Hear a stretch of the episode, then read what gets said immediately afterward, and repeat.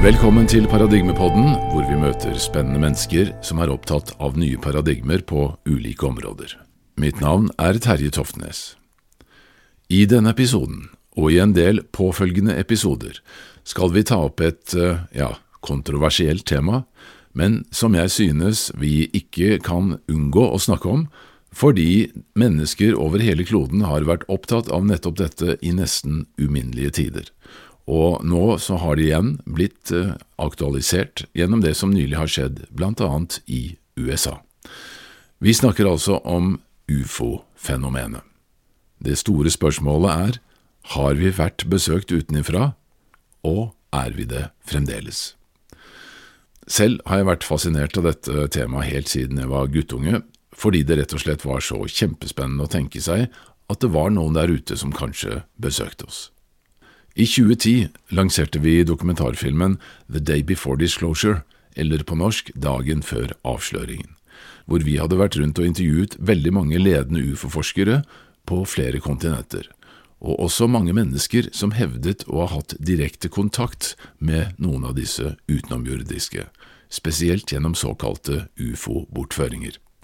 Og det viste seg å være tusenvis av slike historier, med påfallende mange fellestrekk, noe som jeg opplevde at bidro til å styrke troen på at det var mer enn ren fantasi og fabulering.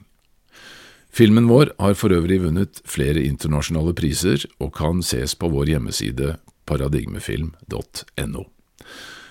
Grunnen til at vi nå altså tar opp dette temaet i Paradigmepodden, med fare for å fremstå som både spekulative og konspiratoriske, er at dette fenomenet er så grundig dokumentert. Mengden av informasjon er massiv, fra så mange ulike hold, også fra flygeledere, militærpersonell, politifolk, sivile og militære flygere, astronauter, høytstående politikere osv., osv. Så det er vanskelig å overse hvis man ikke skal være helt kategorisk skeptiker til alt som ikke kan forklares med vitenskap. Vel er dette også en del av vår virkelighet, som eh, våre myndigheter har prøvd å holde skjult av ulike grunner, ja, mange mener nettopp det. I denne første episoden om dette fenomenet skal vi møte en norsk forfatter, Håkon Bunes, som har studert ufo-fenomenet ganske inngående i flere tiår. Til daglig jobber han som grafisk designer. Han har nylig gitt ut en bok hvor han presenterer, ja, hold dere fast, 70 ulike utenomjordiske raser, fantastisk illustrert på basis av beskrivelser han har funnet fra kilder over hele verden. Denne unike boka, faktisk den eneste i sitt slag i verden, så vidt meg bekjent, heter Off-World Influencers – A visual introduction to more than 70 extraterrestrial species, their appearance, traits, alliances and agendas, altså nærmest et utenomjordisk leksikon, og det kan ses på nettsiden etspecies.com, altså etspecies.com. Vel, så de følgende 90 minuttene er altså en samtale mellom to ufo-believers. God lytting.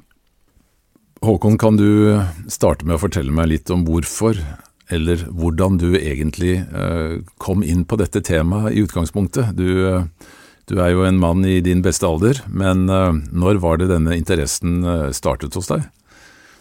Vel, det var, var en gang jeg var i Egypt, um, så ble jeg kjent med en svenske som uh, var en veldig konservativ type. Han dro hjem en uke før meg, uh, han og kona. Og så jobba han litt i Oslo. Uh, og når jeg kom hjem, så tok han umiddelbar uh, kontakt med meg. Og jeg var jo litt nysgjerrig på Ok, ja, vi har jo nettopp sett hverandre. Hva er det liksom? Nei, han hadde noe viktig å fortelle meg. Uh, ok. Så fortalte han at han hadde landa på Gardermoen, da, for han bodde rett over grensa, liksom. Mm -hmm. Og dette var seint på kvelden, en uh, novemberkveld. Mm -hmm. Hvor han uh, Hvor klokka var elleve på kvelden, sånn cirka. Og han kjørte bilen, uh, kona lå og sov i forsetet. Hvor det bare skjedde et eller annet utrolig. en stor ring med masse fargede lys bare begynte å danse 100 meter foran bilen hans. Og lyste opp hele skogholtet og veien. Hvor- var dette da? Liksom? Ja, det var eh, litt inn i Sverige, da, inn i dype skoger. Ok.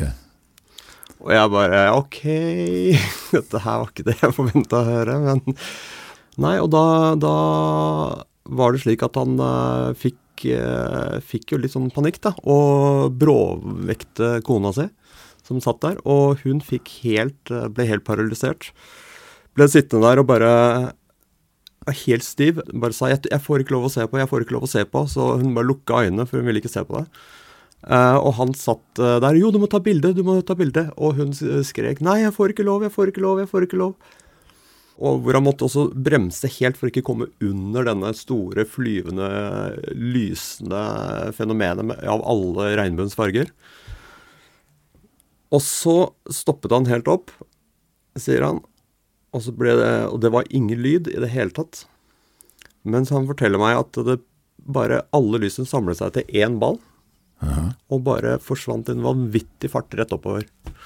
Jøss. nå. Det var jo Og den historien, den, den satte seg, da. Det var liksom Og dette, du følte at dette var ikke noe han eh, fortalte for Det- å ha, ha, ha, drive gjøn med deg, liksom? Dette her var en veldig konservativ, veldig ordentlig type. Mhm. eh, som jeg aldri var den siste jeg kunne tenke meg å kunne begynne å finne på sånne ting. Og dette her, dette her syns jeg var veldig, veldig interessant. Altså. Hva, hva i all verden er dette her? Så jeg eh, kontaktet jo, eller jeg, fant jo på internett ufo.no som hadde sånne rapportgreier, da. Ja. For å sjekke om det hadde vært noe aktivitet av noe slag. Altså om det var logga noe eh, ting eh, den datoen. Og det var det. Og det var det, ja. Mm. Så det var flere steder i, i det området hvor det hadde vært observert uh, lys uh, den gangen. Ja, For det er jo litt interessant, når det kan Mm. bekreftes av, av flere vitner. da. Ja.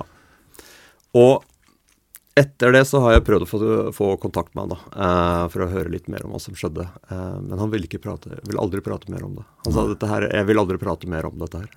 Yes, yes, yes. Så Men da våknet eh, interessen for dette fenomenet for deg for alvor, da? det var triggeren for meg, altså. Eh, absolutt. Eh, og det er klart, det har jo vært et eh, rabbit hole som er veldig dypt. Det er nye dører hele tiden. altså. Eh, det er som å bli født på nytt. da. Det er jo en helt ny verden, liksom, som vi snakker om her. Ja, Det er ikke bare på den kula her sånn, det er andre ting også. Og dimensjoner og alt mulig. altså Det er jo det er en lang reise. Veldig mye spennende greier, altså. Um, altså, du har jo gjort en fantastisk grundig jobb med denne boken som du har kommet uh, ut med, som uh, heter altså Offworld Influencers. Og jeg skjønner jo når jeg leser denne boka, hvor du har altså laget tegninger av eh, 70 ulike utenomjordiske raser. Du må jo ha gjort et helt vanvittig researcharbeid for å kunne presentere alle disse ulike tingene, så det skal vi komme litt tilbake til, Håkon. Men, men altså hele dette fenomenet, UFO, eller UAP da, som det nå eh, kalles også av mange, altså Unidentified eh, eh, Aerial Phenomena, tidligere UFO, som var altså uidentifiserte flyvende objekter. Dette er jo et tema som går langt, langt tilbake. Og så vidt jeg vet, så har det jo vært rapportert om dette altså helt tilbake til bibelsk tid. Altså det finnes beretninger i, i eh, Bibelen om eh, sånne altså lysende eh, himmellegemer som da lander på jorden. Og vi ser jo også i f.eks. i mayakulturen at det er veldig mange tegninger, altså sånne av skal vi si, det som vi populært kaller aliens. Altså med romhjelmer og ting som ligner veldig på disse her såkalte flyvende tallerkenene. ikke sant? Så dette finner vi altså i veldig mange sånne urkulturer verden rundt.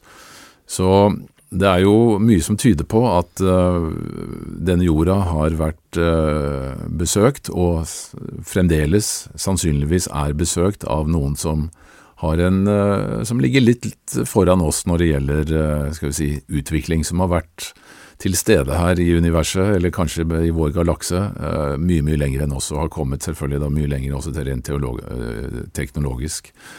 Men, eh, men allikevel så er det jo sånn at det som har skjedd nå nylig, ved at den amerikanske kongressen og NASA og Pentagon offentlig erkjenner at dette fenomenet er reelt.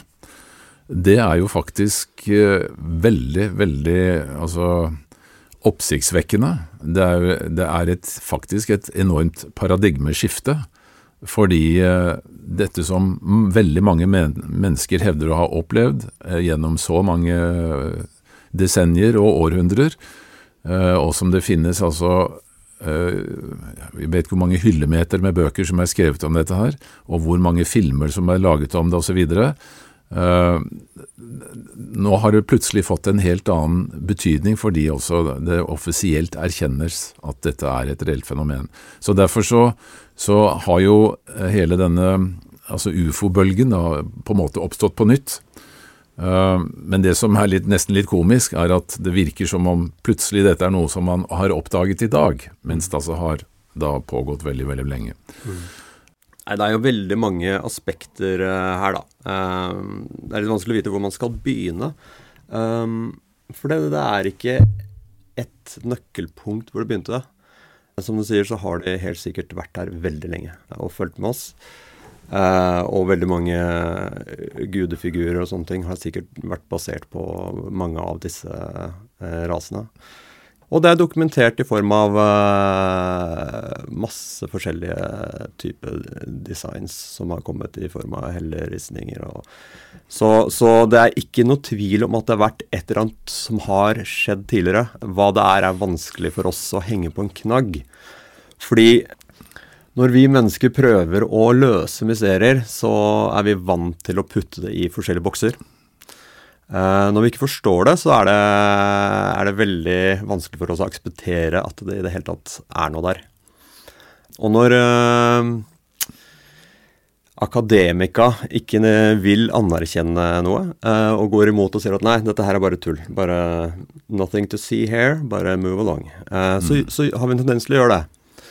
Vi er redd for å stikke oss frem da, og prøve å, å slåss imot de kreftene. Egentlig så burde det vært veldig mye mer åpenhet rundt dette her, og, og nysgjerrighet på hva som er vår ekte historie, da. Men bare for å stoppe litt der. altså ja. Det virker jo nå ganske opplagt at det er veldig mye som har vært skjult hele tiden. ikke sant? Ja. Men hvorfor? Det, det, er mange som spekulerer om at det ville blitt uh, helt krise for religioner. Uh, det ville snu opp ned på samfunnet vårt hvis vi får vite at vi ikke er alene. Hvis det finnes teknologi som er så fantastisk at vi kan reise rundt i universet. Men det viktigste nå til at vi får vite det, det tror jeg er at presset er så stort. Jeg tror sosiale medier har mye med det å gjøre. Og det er veldig mange som kommer ut og prater om det, som har vært med på typ hemmelige prosjekter som, er, som også har vært eh, involvert i uh, både interaksjon med disse uh, og jobbe med teknologi som de har fått av disse, og private prosjekter, da, som er også kalt for SSP, uh, Secret Space Programs. Mm -hmm. Men jeg, jeg, bare tenker på, altså, hvis jeg var politiker som ja. ønsket å bli valgt til en ledende stilling innenfor skal vi si, myndighetsverden, ville dette være et uh, naturlig tema å ta opp? Nei. Eh, altså, det jeg prøvde å komme til, er egentlig det at eh, de har ljuget så lenge at det er nesten umulig å trekke det tilbake og si at eh, vi visste det, men vi har ikke fortalt dere. Hvis, hvis, de hadde gjort det, så er det en anerkjennelse av at vi har levet på en løgn siden 1947. ikke sant? Mm. For til 1947, da er det den kjente Roswell-saken. Det var det som virkelig satte i gang den skal vi si, moderne ufologien? da. Ja. Det var da det, det, ble populært sånn sett. da. Og det har gått i bølgedaler i etterkant uh, av det. Altså Noen ganger så har det fått oppsving, uh, og noen ganger så har det dabba litt av. Uh, men som du sier, det er Roswell som er uh, hva, var skjedde, hva, var det som skjedde der? Fortell. Nei, uh, i Roswell i 1947 Det var egentlig tre forskjellige ufo-krasjer da. Men den vi snakker mest om, er en, en ufo som krasjet i, i ørkenen, hvor det var tre aliens, eller utenomjordiske vesener, om bord. Som er av den typen små grå De var også Det spekuleres om de var eh, av rasen eben, eh, som jeg har researcha meg fram til. Mhm. Og da fikk da militæret tak i en levende kalde person, eh, Eben, Mm. IBI. Han ble kalt for IBI-1. Eh, og de to andre døde, så vidt jeg eh, har fått med meg. Eh, han ble holdt i live i eh, fire år sånn, før han eh, døde, og, og de har da fått faktisk kommunisert gjennom han hjem til sin rase. Eh, som har vært en, en, en av de viktigste tingene som de ønsket å, å få til. Akkurat. Vi kan bare bryte inn litt der. altså eh, IBI, bare for å forklare det begrepet, står altså da for Extraterrestrial Biological Entity. Altså utenomjordisk biologisk eh, skapelse, da, eller eh, vesen, for å si det sånn. Men eh, eh, eh, ja, fortell mer. Jeg har også en tilleggsopplysning der som jeg skal Ja, ja, ta når du har kommet ferdig med, med den historien. Ja. Altså, Avisene de slo jo opp dette stort ikke sant, i USA med en gang dette hadde skjedd. Eh, I lokalavisene og sånn, så gikk det jo viralt, og, og eh, alle fikk vite om dette her. Uh, og det var jo helt uh, utrolige nyheter, ikke sant. Eh, men så fant jo militæret ut at dette her, dette her skal vi kanskje holde hemmelig. Så de eh, satte i gang noen vanvittige operasjoner for å få nøste sammen dette snøret igjen. da. Men eh, når katten er ute av sekken, så er det ikke så lett å, å glemme det. De klarte riktignok å kontrollere den informasjonen eh, til en viss grad, da. men i etterkant har det kommet veldig mye, mye mer ut. De sa at det var en eh, værballong. Det, det ble jo bare komisk, men samtidig så er det eh, det som eh, publikum får servert av myndighetene. De spiser det, liksom. Altså, de, de, de, de godtar det. Eh, setter veldig sjelden spørsmålstegn ved det. Og det er jo det som har vært det store problemet da, ikke sant? Med, når myndighetene aldri har klart å, å, å anerkjenne dette fenomenet eh, tidligere, så, så er det Ja, nei, altså det, det som jeg også har hørt om den historien, da, er at altså det var jo en bonde som fant denne første først. Jesse Marcel. Eh, ja, nei, Jesse Marcel, han var eh, sheriff, Ja, og han, sånn, han fikk tak i noen av disse eh, altså delene, da, eller debris, altså sånne Mm. vrakdeler, som han tok med hjem, og viste til sin sønn. Som, og sønnen har da vært på diverse sånne ufo-konferanser senere og fortalt om disse tingene som faren kom hjem med og viste fram, som var et veldig sånn spesielt rart materiale. Har du møtt han før? Jeg har møtt sønnen, ja. Ja. Eh, Så han, eh, han fortalte jo det at eh, faren hadde det med hjem, men han, så måtte han ta det med videre, så det var bare liksom en, en kveld da de satt og så studerte dette her. Ja. Men, men det som han også fortalte, var at denne bonden som hadde oppdaget dette først, han hadde jo da sett av disse som du forteller om, som lå da delvis skadd, eller satt utenfor denne nedstyrtede ufoen, eh, som da var en sånn ti meter i diameter og så ut som en sånn, altså to tallerkener som er lagt mot hverandre, ikke sant? Ja. Eh, Så fortalte han at eh, en av de, altså han som levde, eh, satt og holdt en sånn boks på magen.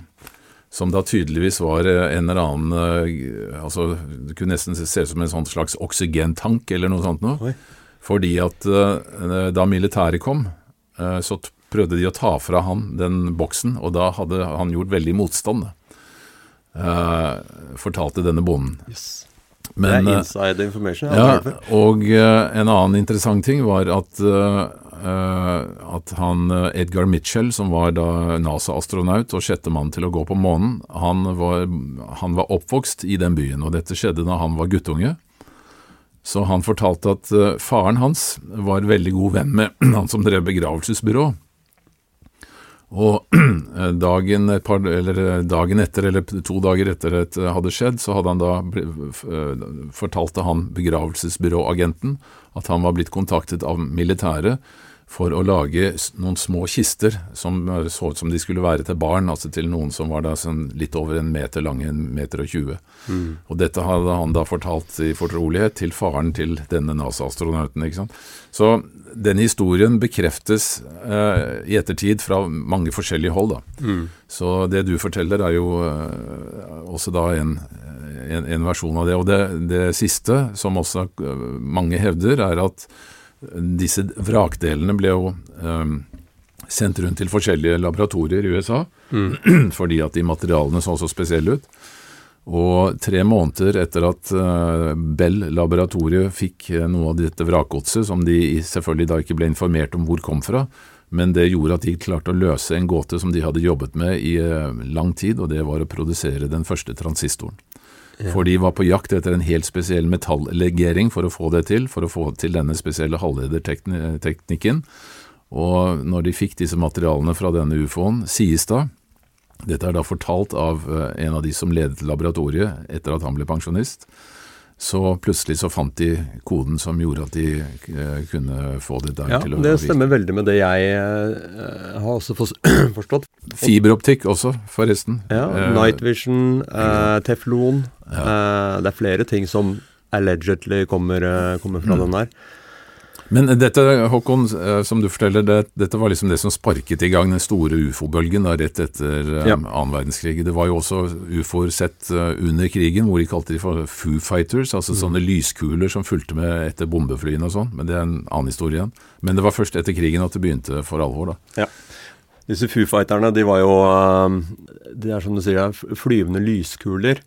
Uh, og det har jo vært uh, forskjellige teorier på, på, hva det har vært. Om det bare har vært uh, små ufoer, liksom. eller om det har vært bevissthetskuler som egentlig bare er en type vesen som er fra en annen dimensjon, som driver og tuller litt med oss.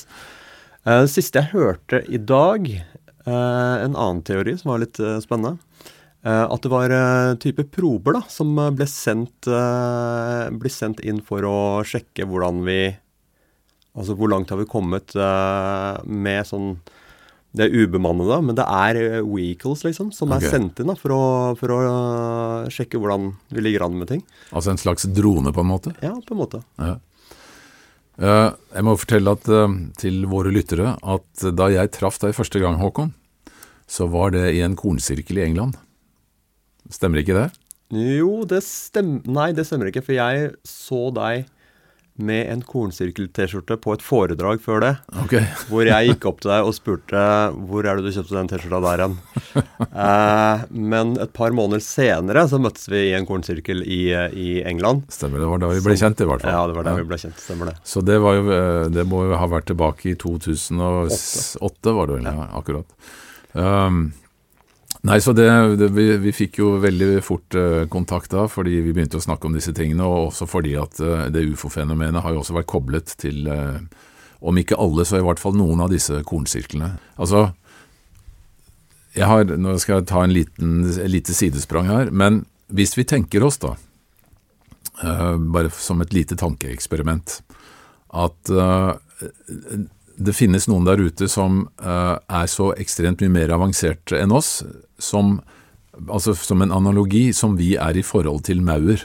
Altså, vi syns det er morsomt å stikke en pinne inn i en maurtue og se hva som skjer, for eksempel, ikke sant? Eller vi syns det er Noen barn syns det er morsomt å rote litt i maurtua, se hva som skjer. Noen lager litt hindringer i veien for maurene for å se om de kan mm. finne veien rundt, osv. Kan det være at det er noen som uh, er såpass langt foran oss at de ser på oss skapninger som et veldig spennende sånn antropologisk studium, og så, de noen, så lager de noen kornsirkler for å se hvordan vi reagerer på det, og så krasjer de et fartøy som de kanskje skulle hive allikevel, for å se hvordan vi reagerer på det. Altså, ja, det er veldig spennende. Nå nærmer du deg jo et, eh, et område som, eh, som, handler om hva er det slags intelligens som faktisk eh, står bak besøkende. Ja. Og det er jo sånn um, Jeg studerte jo dette her med ufoer også i mange år. Uh, til slutt så følte jeg nesten at jeg hadde runda feltet, ikke sant. Og det, ikke, det, sier jeg med mest mulig sånn ydmykhet, selvfølgelig ikke. Men, men, jeg følte altså jeg hadde studert det nok, da. Da kommer du til et visst punkt hvor du må begynne å tenke uh, Hva er det som styrer disse maskinene, eller hva er det, liksom? Uh, det må være en annen type intelligens uh, bak der. Og det at vi har vært besøkt tidligere, betyr jo at det kanskje er en eller annen agenda, da. Uh, og, og, jo mer jeg dykka litt inn i dette her, så viser det seg at det er, det er mange teorier som uh, omhandler at vi faktisk er i type eksperiment, som du var inne på. Mm. Det er noen som tror at, uh, at, Og det er noen som har blitt fortalt av utenomjuridiske, som de hevder de har kontakt med. Uh, og det er uh, folk som har fått gjennom uh, militær intel, at vi har en genetisk sammensetning i vår kropp av 22 forskjellige utenomjuridiske raser. Mm -hmm. Det er veldig mange teorier rundt dette her som er spennende. Det går jo stikk i strid med, med evolusjonsteorien og alt dette her. Mm. Så det er jo utrolig kontroversielt da, å tenke utenfor boksen.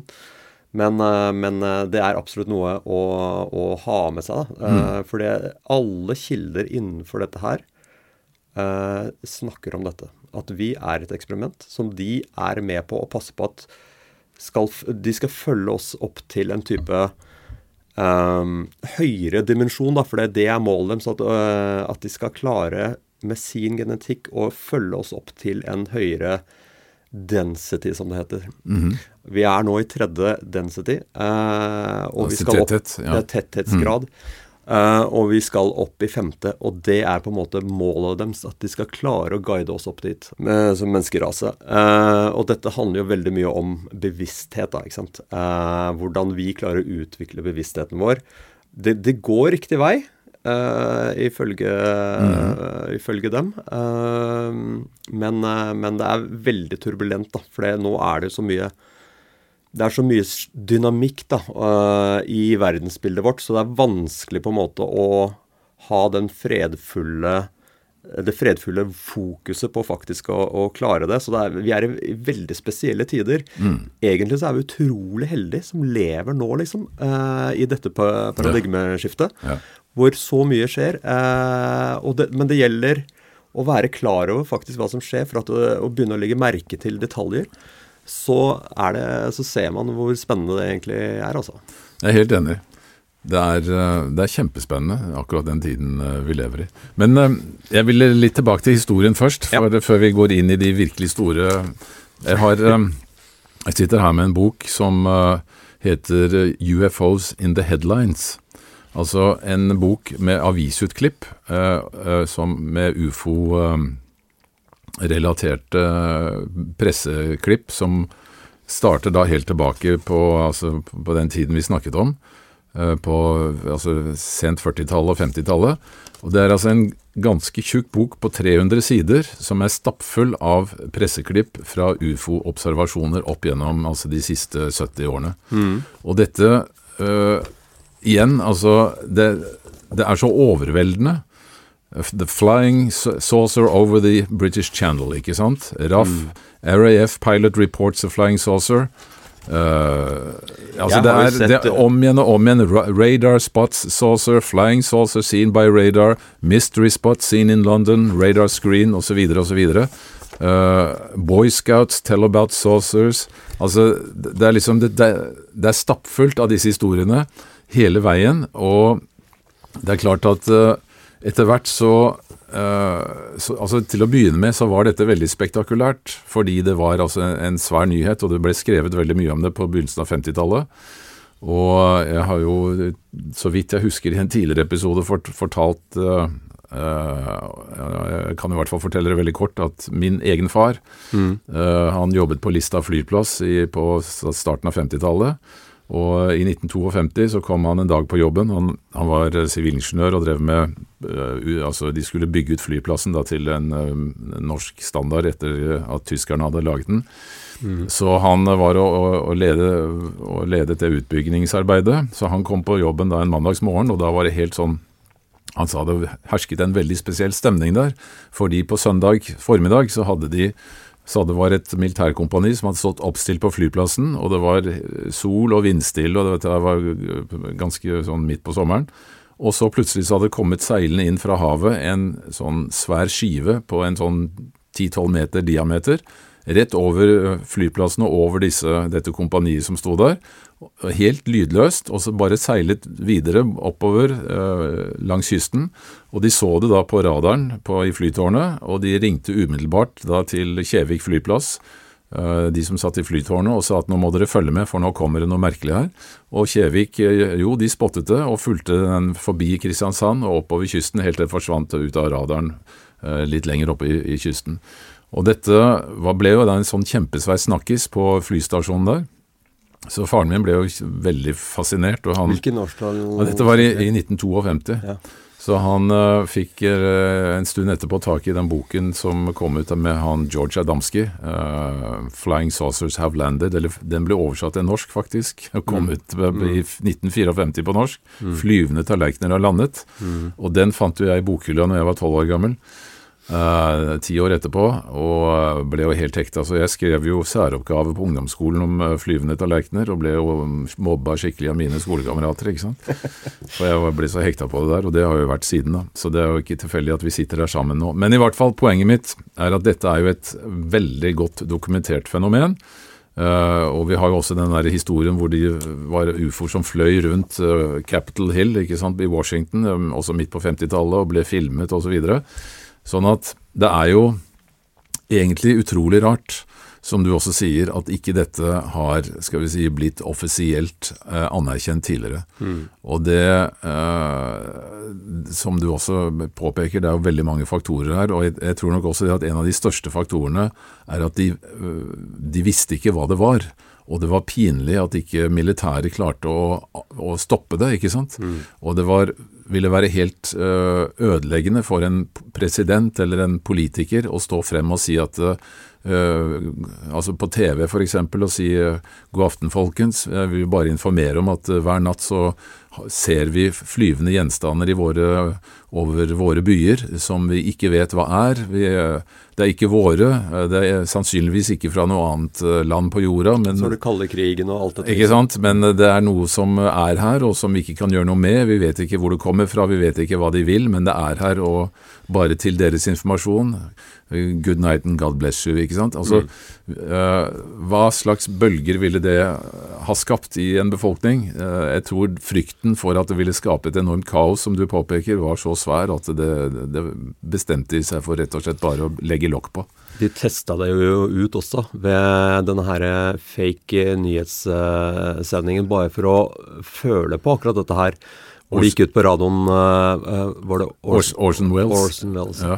Hvor de sa at uh, vi hadde blitt invadert og, og for å sjekke, ta temperaturen på akkurat det scenarioet. Men det var vel på 30-tallet, var det ikke det? 1936 eller noe sånt? Ja, men Så. det var et eksperiment for å se, se ja. hva, hvordan reagerte de. Um, jeg husker ikke helt når det var, men ja, Jeg tror det var på, på ja, 30-tallet. Men det, var, det, ble jo fullstendig kaos. Ja, det ble jo. For folk trodde det var ekte, ikke sant. Ja. Så det er ikke sikkert vi har kommet så veldig mye, mye lenger. Jeg håper jo det, da. Eh, vi kan jo faktisk takke, takke filmindustrien, altså Hollywood, litt for at, at vi nå kanskje har blitt indoktrinert til å forstå at vi kanskje ikke er helt alene. Mm. Det som er feil ved det Hollywood driver med, det er jo det at de altså, portretterer de som alle slemme, ikke sant. Uh, min oppfatning er at det er 95% av de er vennlige, vil oss best. Uh, vi har hørt masse historier om uh, abductions og sånne ting, men det er jo det som kommer frem. ikke sant? Altså disse ufo-bortføringene som veldig mange stemmer. rapporterer om. ja. ja så de tingene som er litt negative, som er negative opplevelser, det er ofte de man hører. Uh, men min forståelse er at uh, stort sett så, er de, så ønsker de oss vel, da. Jeg vil bare følge med litt på hva vi driver med. Mm. Men jeg vil gjerne si også at jeg har, jeg har jo sett dette her fenomenet åtte ganger selv. Oi, hva sa du? Åtte ganger. Åtte ganger, ja. ok. Så, ja, så, fortell, fortell. Ja, det er ikke, det er Nå tar jeg meg en pepperkake ja, mens du drar de historiene. Jeg skal ikke fortelle alle åtte. Men jeg kan fortelle en, en gang på Nesodden. Så satt jeg sammen med en kamerat i en, uh, en bil uh, midt på sommeren.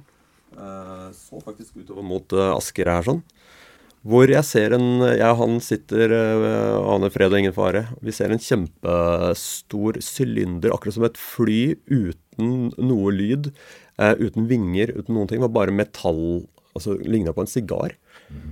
Med noe hull i, liksom. Som bare fløy, men ti ganger fort, fortere enn et fly. Det var altså så fort, og jeg bare Så du det? Han bare Ja, men hva var, hva var det, liksom? Uh, det gikk veldig fort, altså. Uh, liksom, det, det, har ikke kjangs til at det var noe fly eller noen ting, men vi så det begge to. Og det som er så merkelig, er at vi, snak, vi, snakket aldri om det etterpå. For jeg tok det om sånn ja, kanskje et par år siden. spurte jeg, Husker du det? Ja, han husker det veldig godt, men det er sånn Det blir på en måte en sånn Når du ikke klarer å putte det i en boks, mm. så er det lett at man bare prøver å skyve det bort isteden.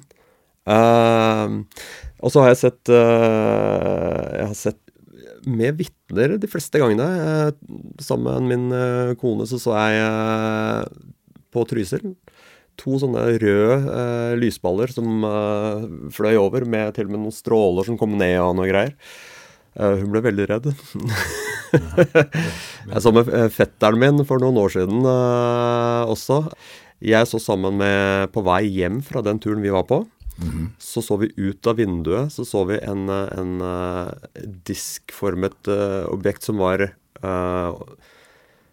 Altså, det, det, må ha vært mange kilometer stort. Mm. som bare gikk inn og ut av skyen.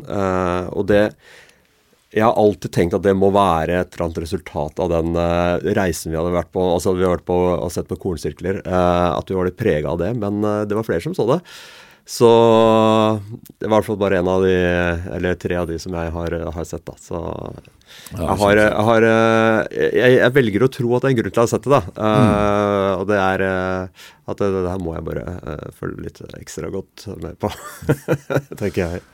Ja, altså Man kan jo få en sånn følelse når man, ja. når man ser sånne ting, at, at, det er en mening med det. Ja. og jeg, opplevde, jeg også opplevde det en gang. Da satt jeg oppe i Hessdalen. Ja. Øh, opp på en fjelltopp sammen med noen studenter. Hvor vi satt og speidet etter, etter lysfenomenet. Og jeg satt med to øh, videokameraer og to fotoapparater. og så midt på natta, klokka var ett. Og plutselig så var det akkurat som noen fyrte av en svær øh, elektronblits rett over hodet på oss. Ja. Og vi ser opp, og da ser vi to, sånn, igjen, to sånne lysende kuler. Mm.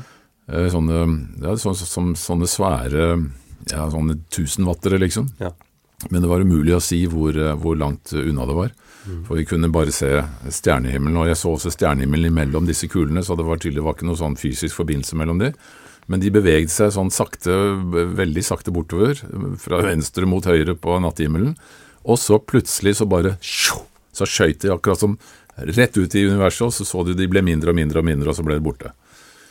Og det, og det var altså det at de flashet først. Mm. Sånn at vi lyste opp hele området vi satt på. ikke sant? Da fikk jeg også en sånn følelse at her var det noen som ville bare si 'hallo, vi ja, er her'. Den gjorde med fetteren min også. Lyste opp skikkelig rett opp, liksom. Bare vinka til oss, og så, så stakk den. Det er uh, altså Han uh, som har ledet den, mye av den etterforskningen oppe i Hessdalen, Erlingstrand, mm -hmm. fortalte jo at de hadde, når de hadde en sånn lyskule, så hadde de pekt på den med en sånn laserpeker. Ja. Og så opplevde de da, eh, om det var samme kvelden eller eh, neste dagen, at de plutselig så eh, Når de sto ut, eh, utenfor en sånn campingvogn der hvor de holdt til, så sto de utenfor der i mørket. Så plutselig så kommer da et tilsvarende laserlys og lyser rett ned, rett foran beina på de.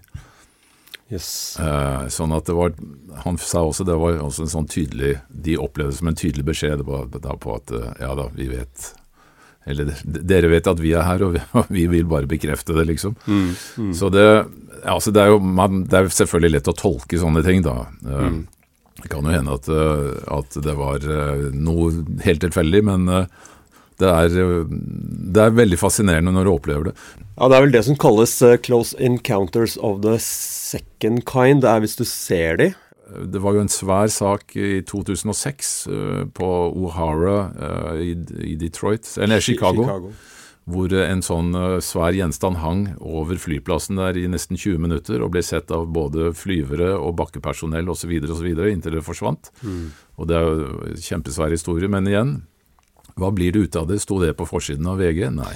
Nei du har jo Men... også den uh, i Phoenix, Arizona, hvor det var et uh, gigantisk uh, trekantet svart objekt som, som svever uh, tilsynelatende helt helt lydløst over byen og, i skumringen. The Phoenix Lights, som ja. det kalles. En, ja, så det er, jo, det er jo sånne som er, som er Det er umulig å dekke over det, ikke sant. Ikke sant? Men folk har ikke noe sted å henge dette, denne informasjonen. De har ikke noe knagg. Så det forsvinner da ut. Eh, for vi, det er ikke anerkjent. Eh, så da passer det ikke inn i verdensbildet vårt, så vi bare dytter det bort. Det er jo litt sånn det blir. Ja, det er det. Og det, altså selv den der eh, episoden i 1980 i Rendlesham Forest i England, mm. hvor uh, militærpersonell ser en, en, fysisk stor gjenstand sånn, Den var, som de beskriver, altså en 600 meter i diameter som lander rett ved siden av en bunkers hvor de oppbevarer atomstridsutstyr. Altså på, på den, um, den, basen da, som het Basewater. Mm. Altså Det var i romjula i 1980. Så tre netter på rad så kommer denne gjenstanden og lander ved siden av uh, disse, denne, der hvor de oppbevarer uh, atomvåpen. Og den tredje natten så er det altså uh, flere militære som kommer og står rett ved siden av denne der, og det er to av de som er altså ledende, altså militærsjefene der som tar på den. De sier at den føltes veldig varm. Det sånn, hadde et, sånn ut, et rødt lys. Den lå svevet over bakken. Uh, og den hadde en sånn rødoransje glødende lys rundt seg. Og de tok på den, og den var varm. Og dette forteller de om på altså han um, Larry King intervjuet disse to uh, på uh, TV-showet sitt, og de sitter og forteller om at jo, vi tok på den, Eh, I sånn god militær eh, tradisjon så var det fram med målebåndet, og vi målte den eh, opp med målebånd. Og de gikk også rundt med en diktafon og snakket i den, og vi hørte da det opptaket hvor de beskriver mm. denne gjenstanden sånn rent fysisk. Den var liksom så og så lang og så bred og så høy, og den mm. lyste sånn og sånn, og den var så og så langt over bakken. Mm. Mens den ligger og svever der, ikke sant. Uh, og så plutselig så bare forsvinner den mellom trærne, og så rett opp. Ja. Men dette, er det ikke noe i den historien om at de også slo av og på disse her eh, eh, At de armerte atomvåpnene, og så slo de av igjen? Ja, bare for å vise at de kunne kontrollere det? Desarmerte de, ja. Og det, det ble også filmet av, uh, av uh, militærpersonell med 35 meter filmkamera. Og det ble, var to engelske politifolk som også kom til stedet, og de tok bilder av det. Mm. Og det ble jo en debrifing etterpå hvor personalet ble fortalt at dette er noe som skjer av og til, men vi har ikke lov til å snakke om det. Mm. Og den tredje dagen, sånn var det, da var det også da to sånne entities som kom ut av denne, og som da prøvde Og da måtte de, alle de menige måtte holde seg langt unna, mens noen, et par av disse militærsjefene da nærmet seg de. Og de fortalte at uh, de var en sånn halvveis gjennomsiktige de, de, sto ikke på bakken, men de svevde liksom så vidt over bakken, og de var en, litt over en meter høye.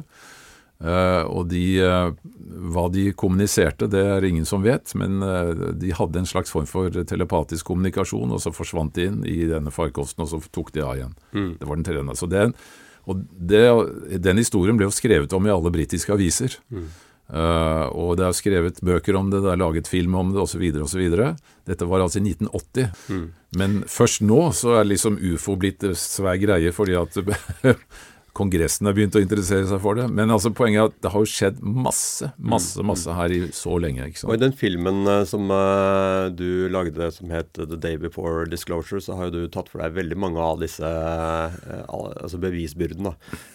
du har jo lagt fram så mye konkret bevis for dette her.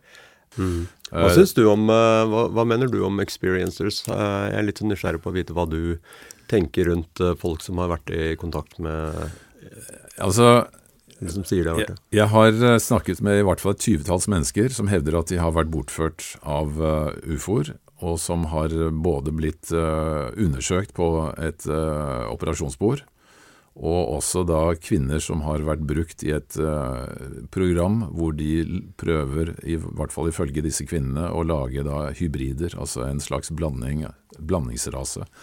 Og Eh, det som veldig mange av de forteller, er at eh, en av årsakene til at vi blir sett på som en veldig eh, spesielt spennende rase da, her på jorden, er fordi vi har et veldig langt utviklet emosjonelt apparat i våre kropper. Altså Emosjoner er det på en måte sjelens kompass for å si det sånn. Mm. Altså Emosjoner er, er, er, veldig viktig for oss når det gjelder å manøvrere da, i, i, i, vår verden. Så kan man jo begynne å, å diskutere hva er liksom hele konseptet da med at vi er sjeler i en kropp og alt det der. Det er en mm. annen historie. Men i hvert fall, det de sier er at det er så mange som er så fascinert av det. Eh, fordi at veldig mange av disse andre rasene, nå skal vi snart begynne å snakke om alle rasene i boka di, de er mye mer mentale enn det vi er. De har mm. mistet litt av det ja, emosjonelle aspektet. Mm. Så det er spesielt noen da som prøver å gjenskape eh, denne emosjonelle dimensjonen i sin egen rase ved at de skal prøve å bruke en del av menneskelig DNA. Mm. Og disse kvinnene som hevder å ha vært med i disse hybridprosjektene, og det er mange. Eh, mm. Vi snakker om titusenvis. Ja, visst. Uh, som da kommer frem i hypnose. Og jeg har truffet tre av de mest ledende forskerne i verden på dette. Altså David Jacobs og Bud Hopkins og uh, tredjemann, han professoren på uh, John Mack. Ja. Uh, alle de tre har, har vi truffet og, og, og, snakket med og intervjuet, og de forteller jo det at uh, dette kommer jo frem da i hypnose. Uh, bare altså David Jacobs og, og Bud Hopkins har jo til sammen altså gjort hypnose med over 5000 tilfeller, mm. hvor de forteller, som de sier, Altså veldig parallelle historier. Mm, mm. Altså, som man sier, Hvis de fabulerte, så ville det bli alt mulig rart. Mm. Men det er veldig konsistent, også hva de forteller. Ja, og alle disse startet også ut som veldig skeptiske eh, eh, altså personer i forhold til å altså, um, de, de, hadde ikke noe tro på at dette var reelt i det hele tatt. Uh, men det viser seg at det er så mye uh, synkronisert informasjon der mm. uh, som er så det blir, det blir, for mye da, til å sveipe ja, under teppet. Ja. Men dette er altså personer både altså Jacobs øh, var øh, Han ledet et fakultet på universitetet i Philadelphia. Og øh, John Mack var jo professor i psykologi. Mm. Bud Hopkins han var mer enn Altså Han er egentlig en kunstmaler av mm. yrke, men han hadde jo interessert seg for dette veldig lenge og lært seg disse hypnoseteknikkene, så han har også fått frem et utrolig svært materiale. Mm. Men det, altså hele den historien der, det er, altså det, er, det er, så mye som kan fortelles. Vi prøver å fikk, å fikk frem noe i denne filmen vår, mm. som på norsk heter 'Dagen før avsløringen', ligger på nettsiden vår, newparadigm.no eller eh, paradigmefilm.no hvis du går inn der. Men eh, igjen, eh, Håkon. Uh, dette fører egentlig frem til uh, den boka som du har laget. Altså hva, hvor du har, som sagt, laget fantastiske 3D-illustrasjoner av 70 forskjellige utenomjordiske raser. Og jeg må da spørre deg, hvor i all verden har du fått alt dette, altså informasjon fra? Hvordan hva, altså, hva, Hvor har du plukket opp en? Ja, Dette her er jo eh, det spørsmålet jeg får fra alle. Åssen ja. uh, går det an, liksom, å lage noe sånt noe? Jeg, jeg, jeg, må jo si at du er jo av yrke så er du jo uh, grafisk designer og ja. illustratør, ja. så du kan tegne. Ja, det, det, det, kan jeg. Det er jo det som har vært din enorme forskjell her, ikke sant? Riktig, riktig, riktig. riktig. Nei, altså det, har jo med at uh, etter å ha uh, undersøkt alt som har med, med ufo og, og, prøve å grave mer i det, så kommer det jo inn på, som vi var inne på tidligere, hva slags intelligenser er dette her. Og når du begynner å grave der, så er det klart at det, det er vanskelig å vitenskapelig forankre eh, veien derfra. Mm. Det er det. Men du kommer over ganske mye informasjon. Ganske mye fra experiencers, eh, fra folk som har eh, altså, hatt kontakt eller eh, hatt en dårlig opplevelse med dem, eller hatt bra opplevelse. Veldig mange som har det òg. Eller som har telepatisk kontakt med dem.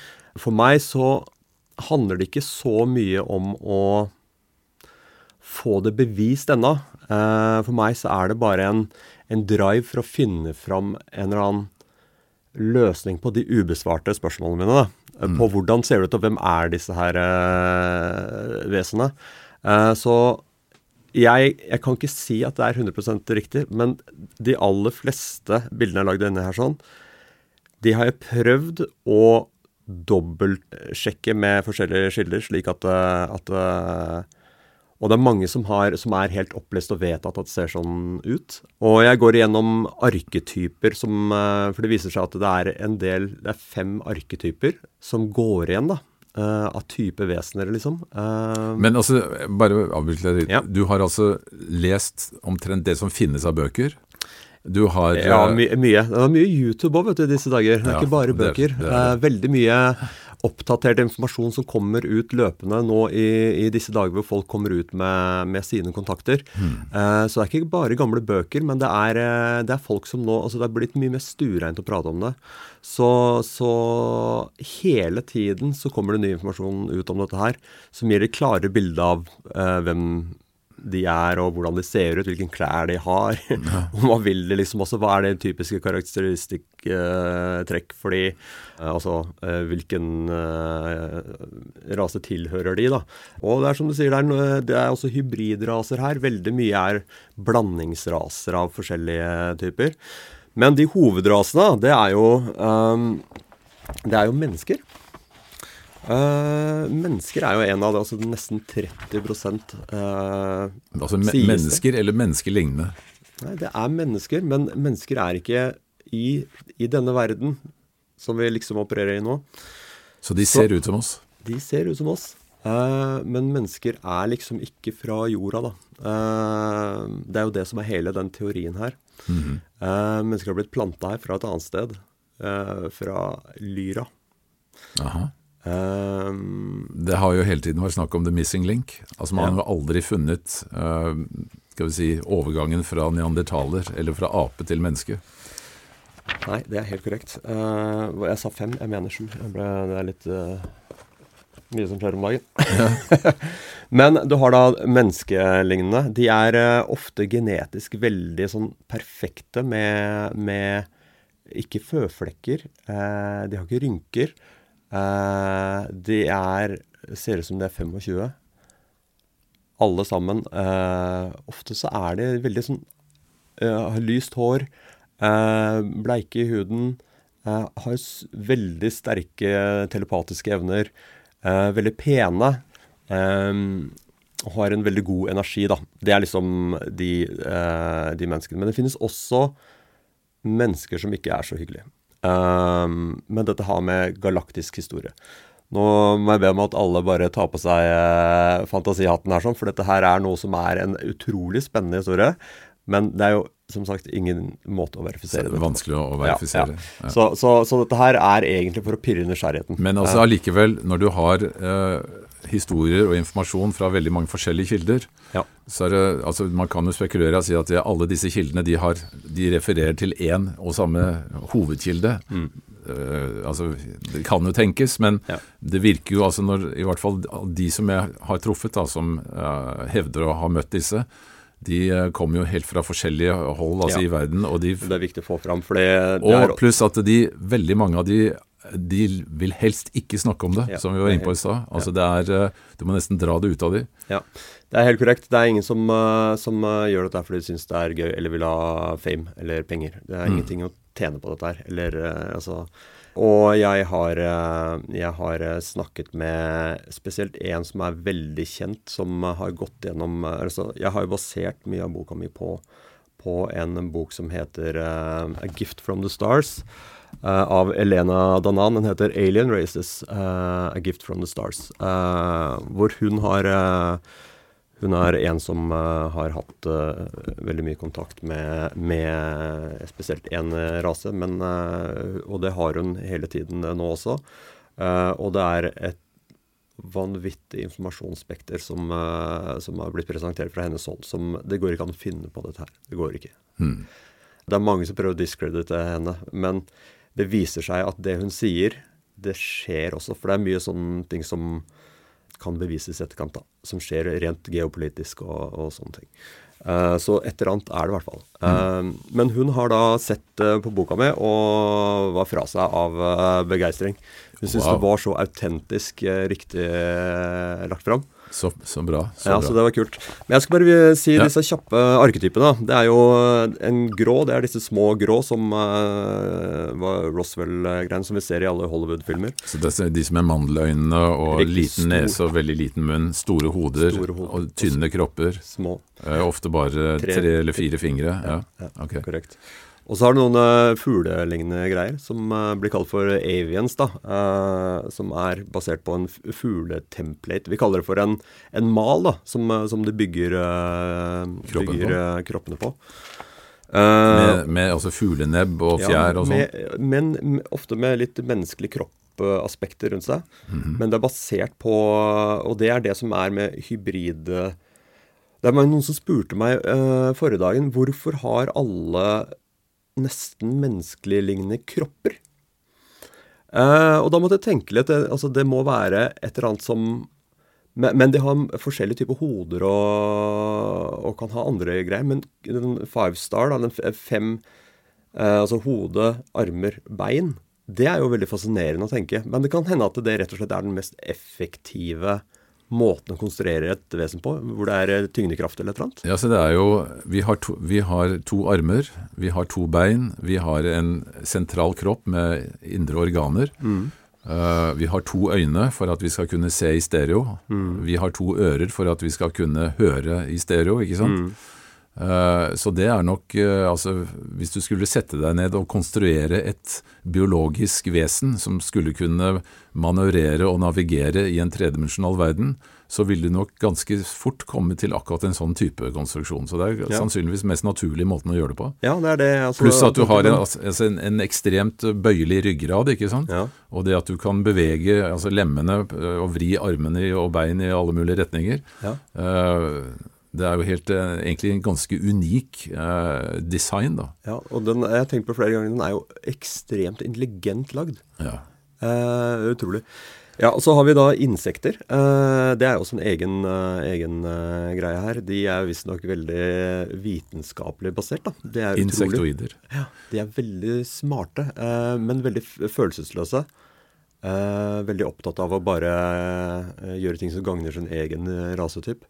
Jeg har ingen følelser i det hele tatt. Det er det som uh, Da må jeg skyte inn at en av, eller ikke én, men flere av de som jeg har møtt, som hevder å ha blitt opptatt, uh, har fortalt at de har vært med i et slags program hvor de sitter flere mennesker som har vært opp, bortført, rundt et bord mm. og får sånne altså måleapparater eller sånne håper si nesten sånne EEG-måler for å måle bølger og, og, og reaksjoner. Og så blir de presentert på skjermer med forskjellige typer bilder, som kan være både veldig sånn brutale, ekle ting, mm. det kan også være veldig varme, kjærlige ting. Og den vedkommende som sitter og leder dette, er alltid en insektoid ja. en prey mantis, altså yes. det som vi kaller for en kneler. Yes. Som er en slags På jorda ser ut som en gre stor gresshoppe, ja, eller en sånn gresshoppeaktig. Mm. Mens da er to meter høy og, og har dette gresshoppeaktig lignende ansiktet. Og her detter jo mange av, ikke sant. For her, her dette her er jo ikke Det er jo ikke dette, Nei, altså dette det, her henger jo ikke på greip. Det henger ikke på greip. Så, så det er jo morsomt. for fordi Da må jeg bare fortelle kjapt en historie hvor, eh, hvor, eh, jeg har vært på eh, en del kanaliseringer. En venn av meg som heter Duve, han kanaliserer da noen fra mm, Arcturis. Som er kjent for å være en, en veldig sånn positiv rase. da. Så jeg spurte de da i en sånn kanaliseringssession Hvordan har det seg at, at de der oppe ligner veldig mye på våre insekter og våre dyr og fugler og alt mulig sånn. Og så får jeg tilbake helt sånn uh, out of the blue at det er typisk dere å tro at alle er uh, en kopi av dere. Det er jo dere som er en kopi av oss. Og vi har plassert de der for nesten for å gjøre litt narr av dere. det var det, vi, det jeg fikk uh, da. Og, og, men det, det virka så utrolig logisk når du sa det. For det fikk et mye spekter, eh, mye større eh, spekter, ikke sant. Altså bare det viewpointet mitt bare forsvant fra å være at vi er ikke center of the universe. Det er vi er on the mercy of the universe. Mm. Altså, vi er bare en liten refleksjon av det, liksom. Mm. Og jeg husker det så godt, eh, men da falt brikkene litt på plass for meg, da. Det som vi ser her, er jo bare frø fra andre steder. Mm. Det er ikke vi som har plassert noen ting andre steder. ikke sant. Så det er, det er veldig viktig, da. Og det, og det, er jo spesielt spennende nå som uh, skal vi si, vår romforskning, da, eller NASA spesielt, oppdager flere og flere såkalte exoplaneter. Mm. Hvor man sier at bare i vår egen galakse så er det nå oppdaget over 20 milliarder planeter som kan ha forhold som bl.a. i at det er vann til stede, at de ser at det er CO2 i, i, i atmosfæren. Mm. Uh, at det kan være altså forhold som tilsier at det kan være livsformer. da. Ja. Uh, og, og, vår galakse er da bare én av altså 40-50 milliarder galakser. Som da, mer enn det. Man, 500 milliarder. Ja, Noe sånt som man har sett i disse nye, altså annet i webteleskopet. Så mm. kan du begynne å gange altså 20 milliarder eh, planeter i en galakse ganger eh, hvor mange sa du? 500, 500 milliarder, milliarder. galakser. Så det sier jo seg selv at uh, sannsynligheten for at det er et yrende liv mm. så utrolig mange andre steder er jo veldig, veldig, veldig stor. Ja. Uh, og, og, at vi er uh, Altså, Det at vi har trodd at vi var liksom enestående i universet, er jo rett og slett fordi at vi har ikke klart å se lenger enn til månen omtrent. ikke sant? Ja, og det er jo ikke, ikke så rart heller. Eh, hvis vi har levd i en boble, eh, så blir det på en måte Det, det er vanskelig å se utenfor eh, mm. bobla hvis ikke vi har vært og tittet lenger og lenger ut. ikke sant? Altså, ja. Verden er jo den som du opplever. ja, alt og den utvider seg hele tiden. Ja, ja. Så det er jo eh, naturlig. Eh, det blir jo som et barn det, som vokser opp. ikke sant? Du husker hvor lite alt var når du var liten. og Så vokser du opp, så ser du mer og mer av verden. Så skjønner du at det er mye større. Så det blir litt det samme, da. Men dette var altså insektoidene, som de kaller det? Ja. ja. Ok. Og så har vi den uh, mest fryktede som, som, har et, uh, ganske dårlig rykte. Det er jo disse som blir kalt for uh, reptiler. Uh, som har blitt gjort mye narr av, og, uh, og, brukt ofte uh, når man skal snakke om konspirasjonsteorier og sånne ting. Altså disse øglelignende? Ja, ja. og det har jo det har jo til og med vært TV-serier om dette her, så altså, at de kommer fra verdensrommet og Men noen ganger så tenker jeg hmm, Kan det hende at det er At de planter litt frø i oss, liksom? Kan det hende det? At det er noe sannhet i dette her, liksom? Fordi det er åpenbart at det har det, det, er mange som har hatt uh, erfaringer med å møte øglelignende vesener. Ja. Og det er jo veldig Hva skal vi si det er, det er, jo Det er vanskelig å forstå, og det er skremmende. Det er noe ekstremt giftig med, med øgler, føler jeg. Ja. Som, som er stikk i strid med det som er positivt, da. Uh, så, så, og da kommer jo litt sånn galaktisk uh, rasisme inn der, da. Uh, også det skal vi også være veldig forsiktige med. Men, men det er ingen som liker slanger, liksom. Altså, det er ingen som liker øgler heller. Så, så, så de, de, har ikke så veldig, veldig bra rykte på seg. De jo også, går jo også for å være de som har hatt mye av kontrollen i form av å styre de negative tingene som har skjedd, da. Eh, som har dratt mye i spakene bak okay, Så du mener at, eh, at de her kan ha innvirket på alt fra, jeg, jeg har alt hørt, jeg har, hørt, jeg har kilder som sier det. Til, uh, ok. Ja, jeg har Altså, det er ingenting som sagt som, som kan skrives i stein her. Men min research kan lede meg til at det er, det er et eller annet der, altså. Et eller annet. hva det er, det tror jeg vi har yet to discover. Den siste jeg vil ha to til. Det er jo uh, aquatic. Uh, det er jo sånn uh, vann... Menneskelignende greier som er i vann. Uh, har ikke så veldig mye på de, men det er en av de, de, de arketypene. Hvordan vil du beskrive utseendet der? Nei, det er, De har gjeller og, og kan svømme liksom under vann. Det er med litt finner og altså har en sånn skjellkropp, da, men litt sånn menneskeaktig. Er det der uh, historien om havfruene kommer fra? Meget mulig. Meget mulig. Uh, men det, jo, det, var jo en russisk hendelse uh, i var det på 80-tallet, hvor det var noen dykkere som, som, dykket ned og møtte disse her i en sånn Når de var langt under havoverflaten. Um, hvor de eh, disse rev av de maskene, og det var mange av de som drukna også. Som var en sånn, altså, det, er, det er masse informasjon om denne saken. Jeg husker ikke helt hva den heter, men det var ganske skremmende. Uh, men det var fordi de var soldater som var fiendtlige mot de òg, da. Men de, det er en ganske Det, de er, de er, den type vesener som er Det er dokumentert, det også. Og så har vi jo um, fra Egypt nåtiden, så jeg vet ikke om noen kjenner til Anubis f.eks. Det er jo den vokteren eh, som har hundehode, annet. Ja. Uh, det finnes jo mange sånne legender om, uh, om uh, sånn type dyr. da, Sånne halvmenneske, halvdyr. Ja. så det kalles for denne mammalian races. Uh, og de finnes det også masse variasjoner av. Altså katteversjoner av uh, mennesker. Altså, det, det, altså, menneskekropp, men med dyre hoder? Ja. ja. ja sånn som vi har sett uh, Men ganske mye større da, ja. enn en, mennesker. Og, og, og, det er jo også da kanskje en, en en, en uh, hovedtype, da, så er de kattene vi har her, kanskje det er bare små avgreninger av det igjen. Mm. Uh, så det er viktig at vi tenker på det litt sånn. At ikke vi ser Altså, man kan se komisk på det. og Jeg, jeg forstår det, liksom. Jeg har vært der selv. Det er helt greit å gjøre det. Men det er det mm. som det blir beskrevet, altså. Uh, mm. Så man får bare ta det som man vil, da.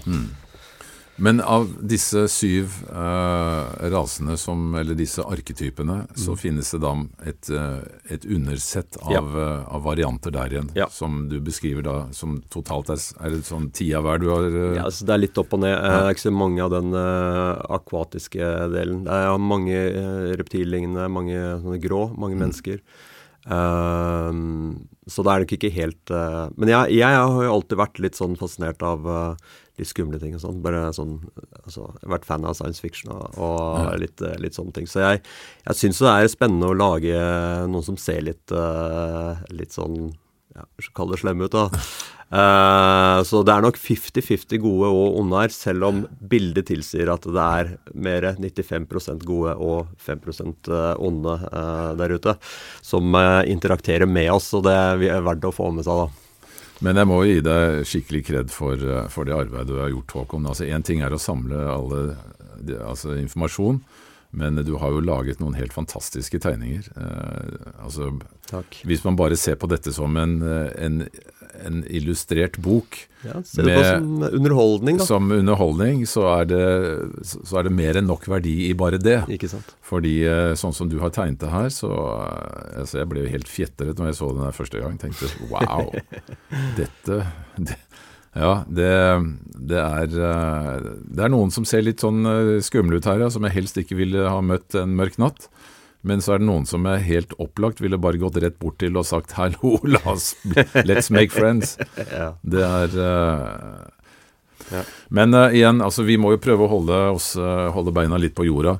Mm du er jo Du presiserer jo her hele tiden at dette er umulig å verifisere, men allikevel Altså I forskningen så er det noe som heter empirisk forskning, altså mm. hvor du hvor du altså legger sammen uh, Altså, skal vi si uh, historier da i dette tilfellet. Altså når veldig mange mennesker forteller den samme historien og beskriver de samme tingene, og disse menneskene helt opplagt ikke kan ha hatt kontakt med hverandre i utgangspunktet, mm. så er jo klart eh, altså Sannsynligheten for at noe av dette faktisk er reelt, eh, blir jo større og større jo flere mm. sånne historier du hører. Mm. Og, og, det som har skjedd da gjennom, spesielt da etter annen verdenskrig, er jo at det er kommet altså hundretusenvis, for ikke å snakke om millioner, av sånne historier som eh, til en stor grad beskriver veldig mye av det samme.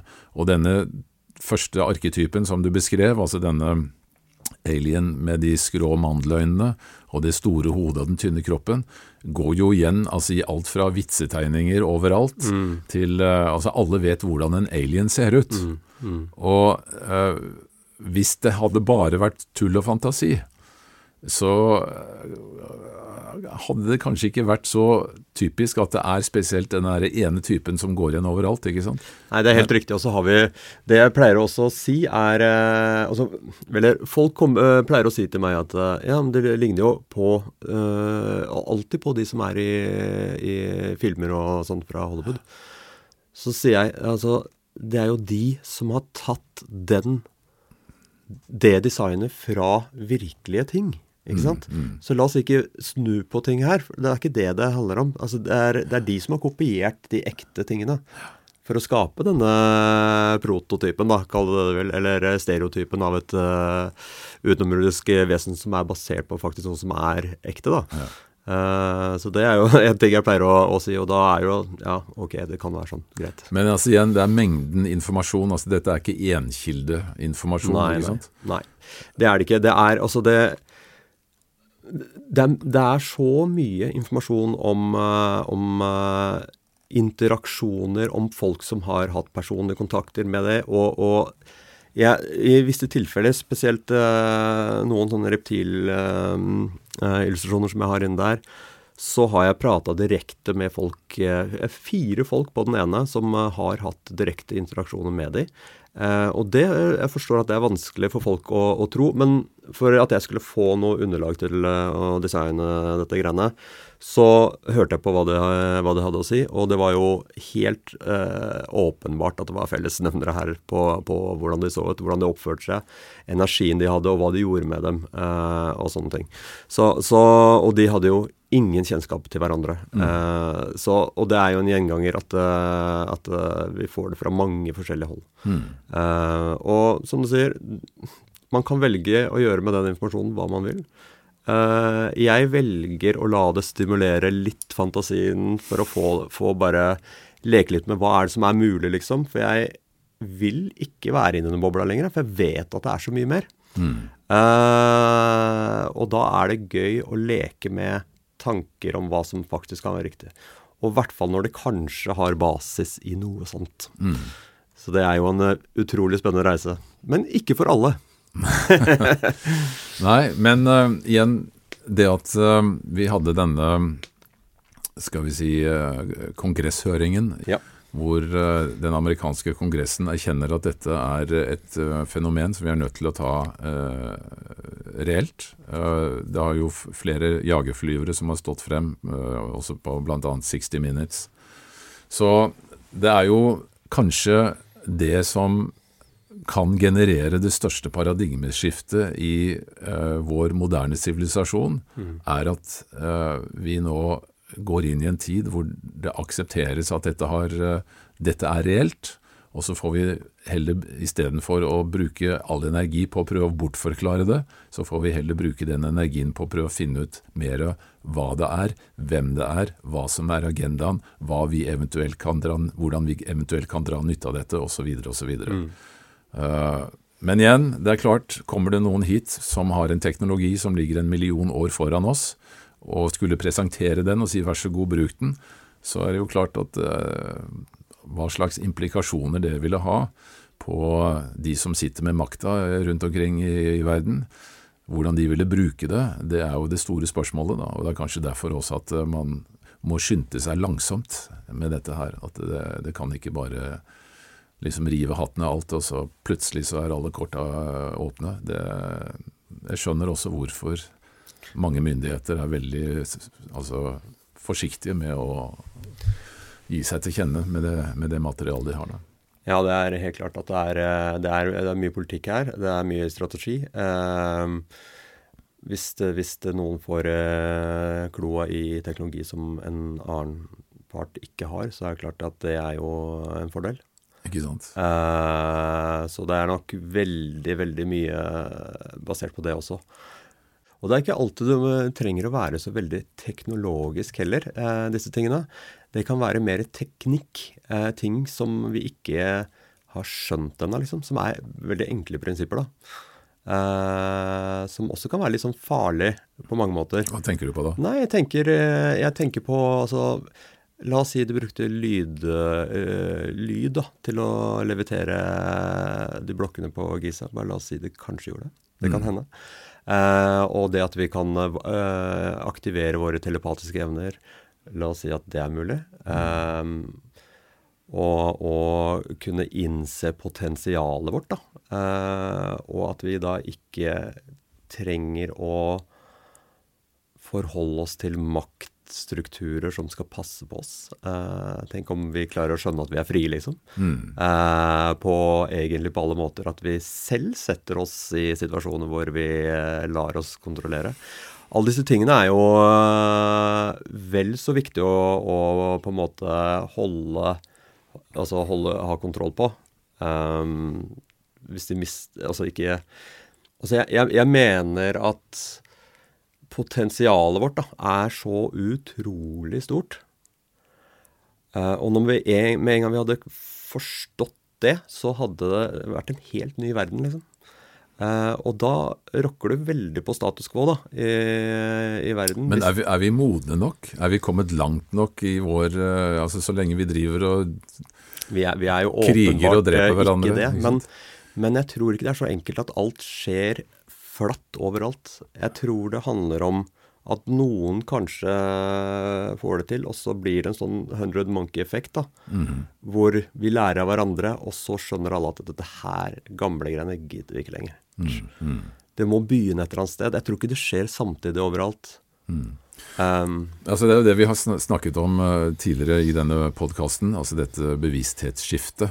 Ja. Altså det at vi uh, forstår at vi er en del av uh, en mye større enhet, mm. for det første.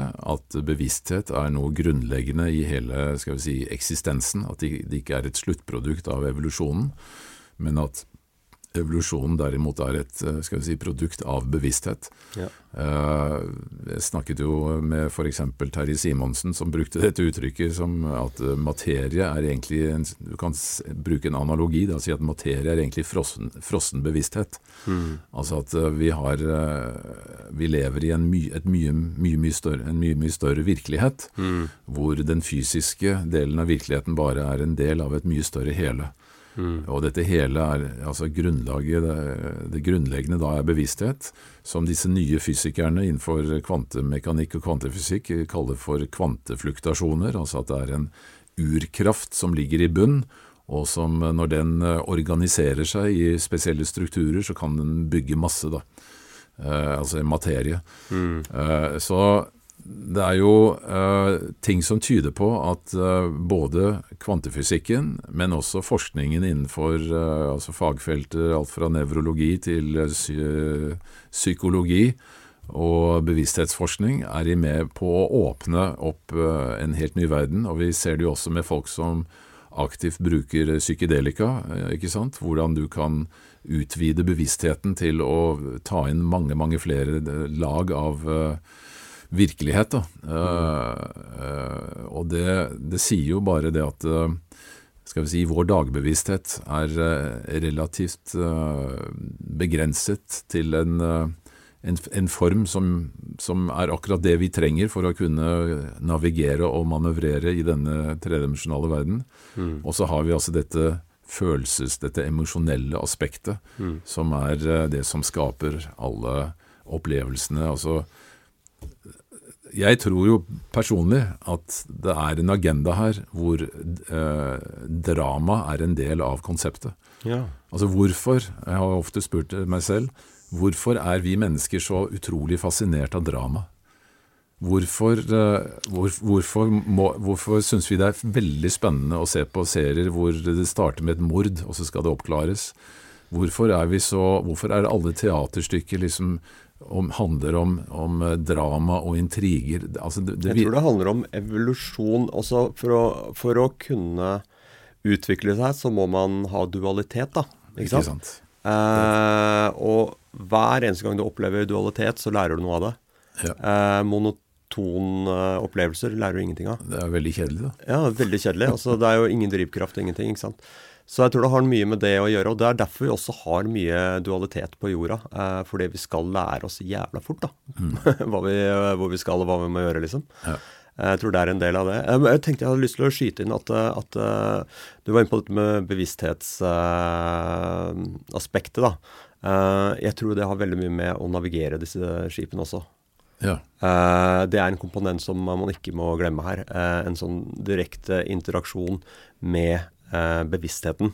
Det viser seg at det er mange som eh, De har jo ikke noe eh, knapper eller noe sånt i cockpiten sin. De setter seg i en stol, og så setter de som regel hånda ned i en sak. Og så drar de dit de skal. Ja, det Altså, de um, Jeg har snakket med en som har vært med og såkalt back-engineered uh, ufoer. Uh, hevde at han har vært med på det. Jeg kunne jo ikke bevise det heller. Men han fortalte hvordan i hvert fall de Eh, de farkostene som han hadde vært inni, da, så ut. Sa at der var det sånn at du, du, altså du la hånda på uh, altså De hadde jo da I hvert fall de som han Det skipet der da, hadde fem fingre. Sånn at det lå nesten som et slags avtrykk av en sånn hånd som du skulle legge fingrene dine oppi, og så altså begge hendene oppi et sånn slags fingerkrybbe, mm. nærmest. Mm. Og så uh, brukte du da din mentale kraft uh, til å manøvrere det skipet. Ja. Så gjennom fingertuppene så fikk du da en slags mental kontakt med maskineriet. Og så kunne du, altså, Hvis du da tenkte at du skulle fly til høyre, eller, så ville du fly til høyre, liksom. Mm. Altså, jeg ser det et typisk eksempel på at jeg har fått informasjon fra et helt annet sted, og du har prata direkte med noen som har jobba med det. ikke sant? Ok, det, Du har hørt samme Ja, ja, ja. Det, jeg sa jo det rett ja, før nå. Så det er jo utrolig interessant, da. Ja. Nei, så det er eh, Men igjen, det finnes sikkert veldig, veldig mange forskjellige varianter av dette. Men altså, dette Jeg syns jo det arbeidet tilbake til det arbeidet du har gjort, Håkon. Eh, denne boka di, uh, 'Off World Influencers'. Du starter på en måte Eller altså, du sår et frø. Mm. Altså det, Gjennom denne boken så, så får, blir man litt nysgjerrig, rett og slett. Mm. Uh, altså Det virker veldig overveldende, disse bildene dine, for de er jo så utrolig livaktige. Mm. Så man begynner å lure på kan det virkelig være sånn. Mm. Og jeg tror det er en del av dette skal vi si, skiftet, at vi må på en måte venne oss til tanken ja. om at vi er, vi er, ikke alene i dette helt vanvittige universet. Helt riktig. Uh, det som du har gjort her, kan være Noe av det kan være veldig riktig, noe er kanskje ikke så riktig, mm. men i hvert fall så sparker du i gang en nysgjerrighet. Mm. Og det syns ja. jeg er Det var det jeg, jeg savnet jo. Uh, når jeg begynte med denne boka, her, så, så tenkte jeg at noen må lage noe skikkelig eh, autentiske representasjoner av disse her. For det var ingenting. Mm. Det fantes ikke. Så jeg satte meg ned og så bare Nå må jeg lære eh, 3D. For det var, eh, jeg var jo permittert eh, under korona, altså. Jeg tenkte at nå har jeg en gyllen sjanse til å sette meg ned og lære takk, meg et 3D. Takk til korona. ja, takk til korona. Så satt jeg meg, så lærte jeg meg det. Eh, bare day in and day night. Og så, og så lagde jeg Altså 3D, Bruke 3D-animasjonsverktøy? Eller ikke, ikke animasjon, men 3D-modellering. Modellering, ja. ja.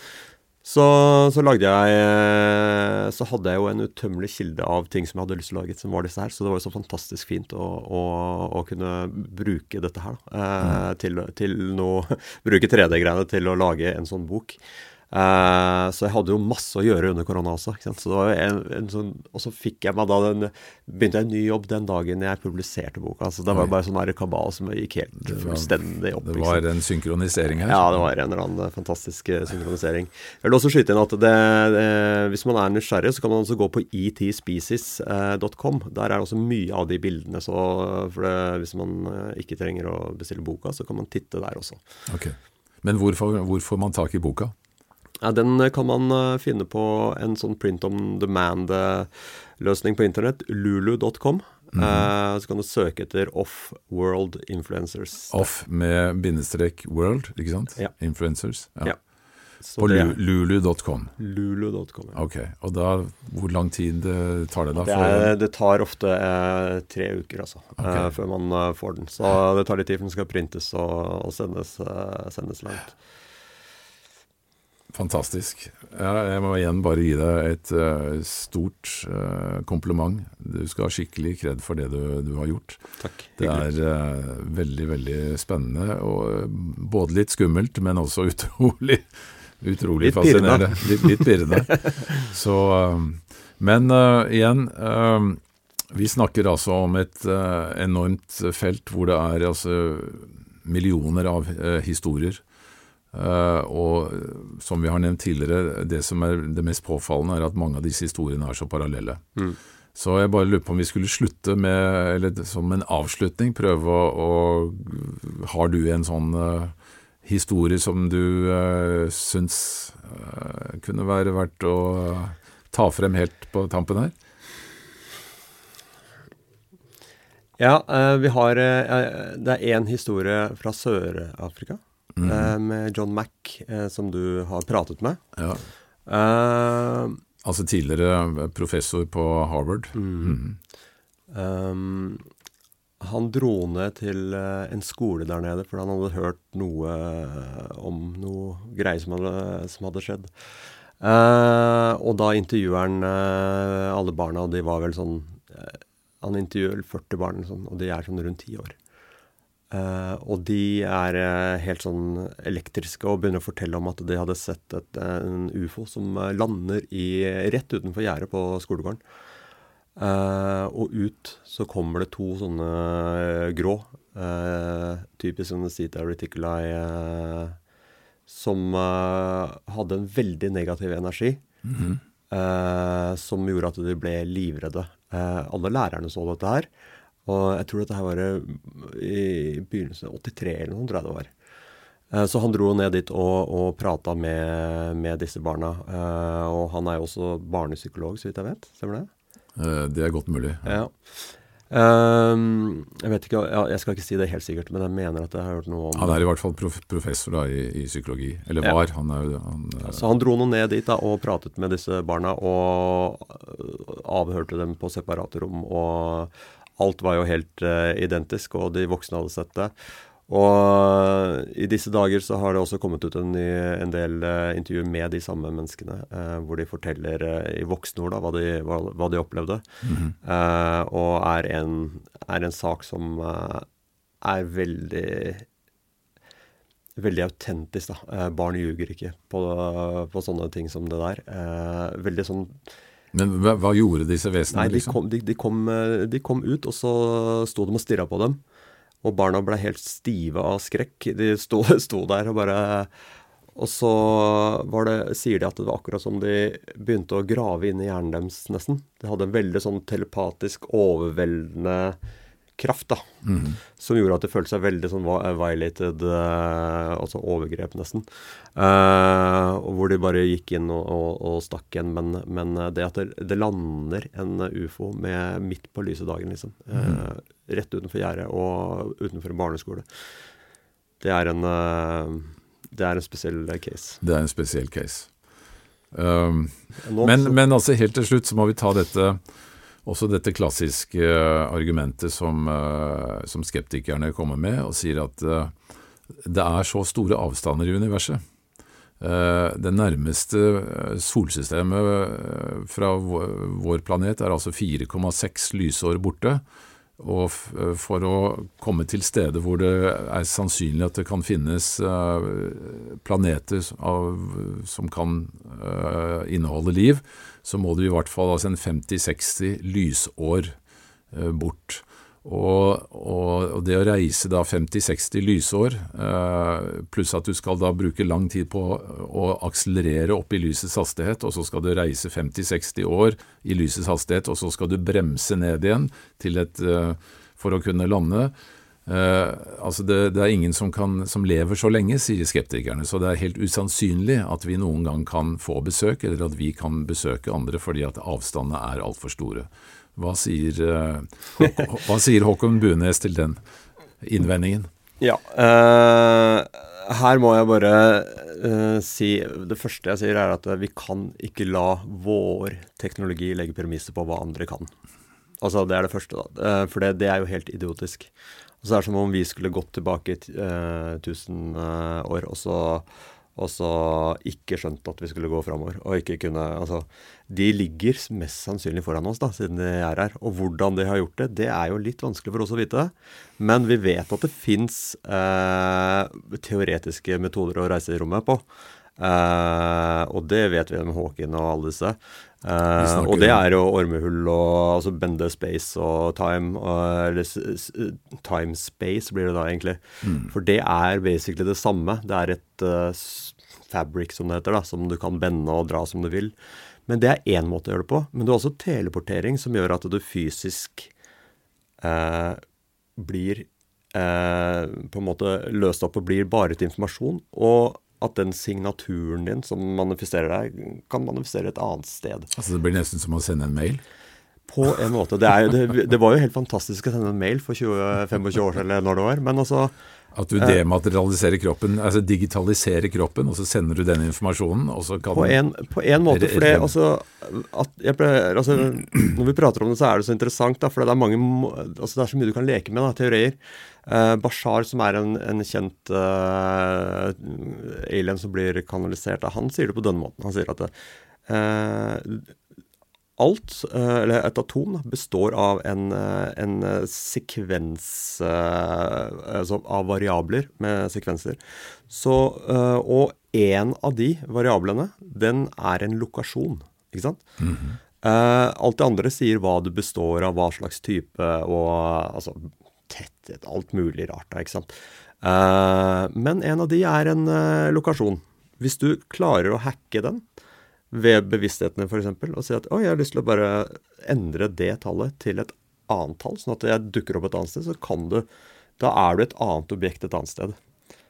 Så det er sånn, altså det er gøy da, å leke med ideer. Mm. Uh, men hvordan de konkret gjør det, skal jeg ikke si jeg vet. Det er, det er mye som man ikke vet her. Uh, det er derfor det er så spennende.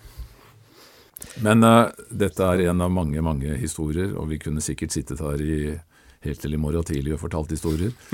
Men uh, les boka til, uh, til, Håkon. Her er det i hvert fall nok til å kicke i gang en vanvittig interesse. Og det finnes altså et vell av ting på YouTube. selvfølgelig må man både altså, ta inn all informasjon med en god, sunn porsjon skepsis. Men, og Det finnes også da, et vell av bøker, og det finnes årlige konferanser om dette verden rundt. Uh, en av de største konferansene er jo denne International UFO Congress, som avholdes i Arizona hvert eneste år. Uh, vi har også hatt konferanser i Barcelona, i Italia, ja, rundt omkring. Altså det er, I England er det årlige konferanser om dette, disse temaene. Og det er altså seriøse forskere. I Norge har vi jo en ledende professor ved Universitetet i eh, Østfold, Erling Strand, som er en forsker på dette og har holdt på med dette i 30 år, spesielt med forbindelse med Hessdalsfenomenet. Meget seriøs mann. Uh, han har bl.a. vært på en podkast hos Wolfgang Wie og snakket i to timer om hva han har forsket på. Mm. Så altså, dette er ikke bare altså, folk med store øyne og Eh, stor appetitt på alt som er uh, eksotisk. Uh, det er altså veldig mange, mange seriøse vitenskapsbaserte mennesker som, som driver og, og, forsker på dette her. Mm. Og du Håkon, du har gjort en fantastisk research, men du har også begge beina godt planta på jorda. Så ja, det er grunnen til at jeg syns det var, har vært veldig spennende å snakke med deg. Da. Tusen takk for at jeg fikk lov til å komme. Det var uh, utrolig morsomt. Altså. Utrolig, det er lærerikt og morsomt å høre alle disse historiene dine nå. Ja, nei, det er jo Det er, uh, det er veldig gøy. Og det, jeg har også vært forsiktig med å snakke om det, fordi at det virker så vanvittig far out. Mm. Uh, man blir jo fort sett på som ja, altså Man mister fort kredibilitet. da. Jeg har jo opplevd det sjøl når jeg begynte tidligere jobb begynte å snakke om disse tingene i lunsjen, så var det mange som reiste seg og tok med seg matpakka et annet sted. ikke sant? Kjenner på det.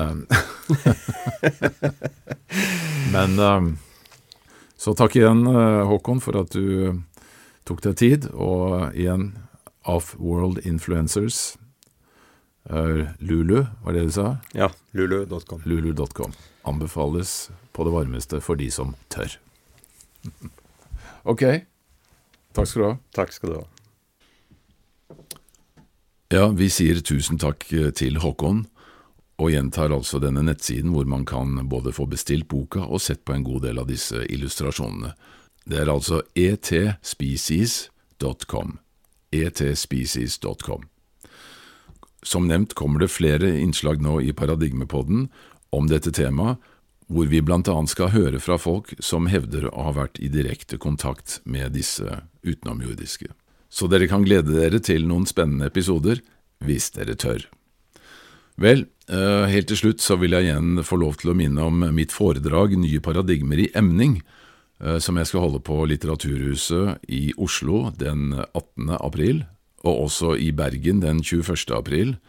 Og dette er altså om alle disse fenomenene som vi nå ser utfordrer det materialistiske paradigmet på mange fronter. Eh, jeg skal også holde et foredrag i Sandnes den 27. april, men det blir om dette temaet kreft og nye forståelsesmodeller av hva kreft egentlig er, og hvordan det kan behandles på en mer skånsom måte. Og helt til slutt vil jeg få lov til å minne om vårt vips nummer 524005 524005 for de som vil være med og støtte oss videre. Og takk igjen til alle dere som allerede har gjort det. Da håper jeg vi høres igjen i neste episode av Paradigmepodden.